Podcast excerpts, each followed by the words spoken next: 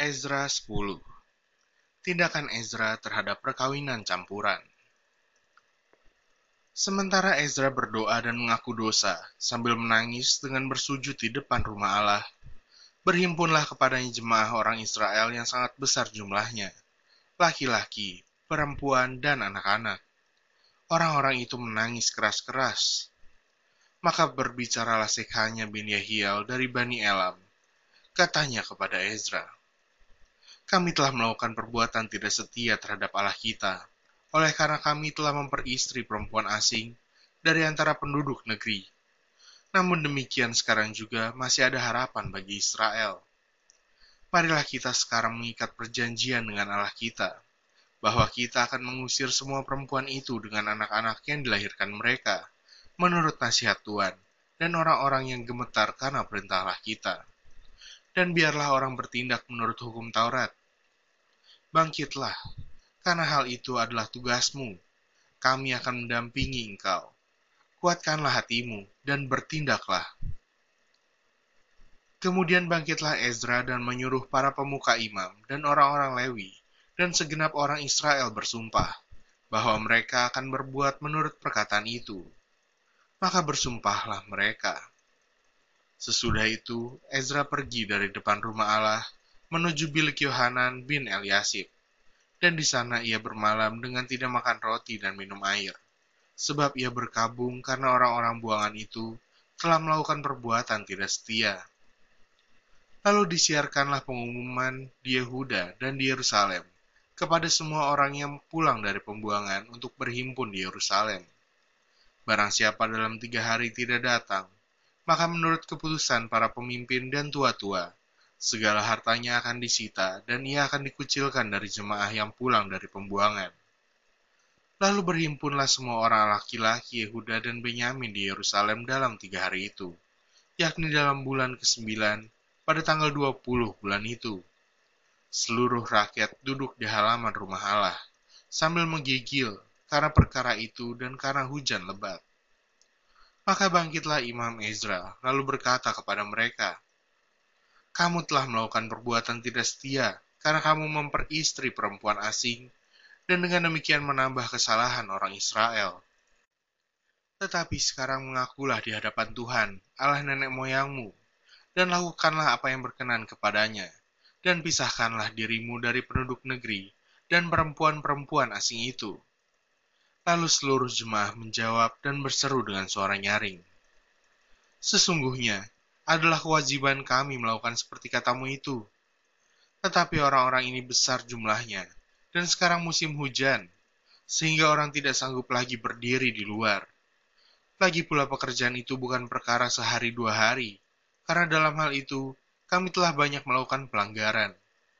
Biarlah pemimpin-pemimpin kami bertindak mewakili jemaah seluruhnya maka setiap orang di kota-kota kami yang memperistri perempuan asing harus datang menghadap pada waktu-waktu tertentu.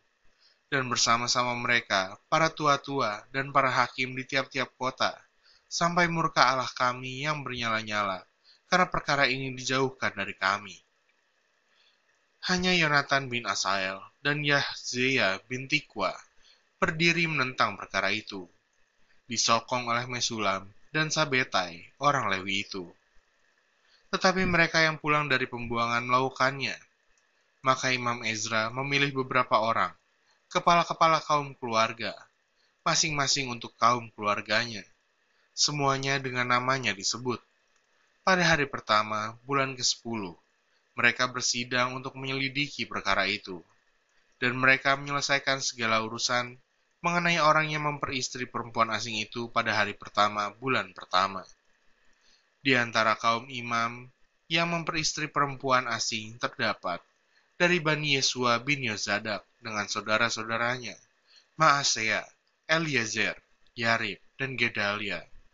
Dengan memegang tangan, mereka itu berjanji akan mengusir istri mereka, dan mereka mempersembahkan seekor domba jantan dari kawanan kambing domba sebagai korban penebus salah karena kesalahan mereka.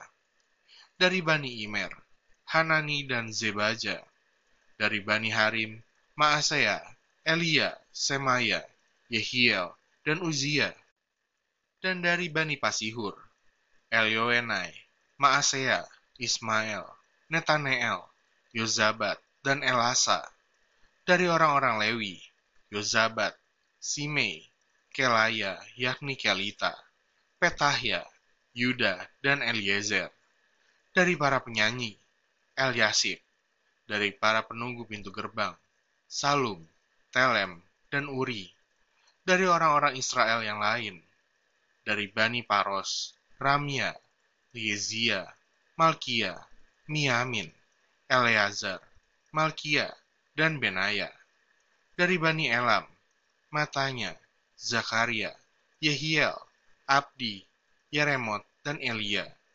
Dari Bani Zatu, Elioenai, Eliasib, Matanya, Yeremot, Zabat, dan Aziza. Dari Bani Bebai, Yohanan, Hananya, Zabai, dan Altai.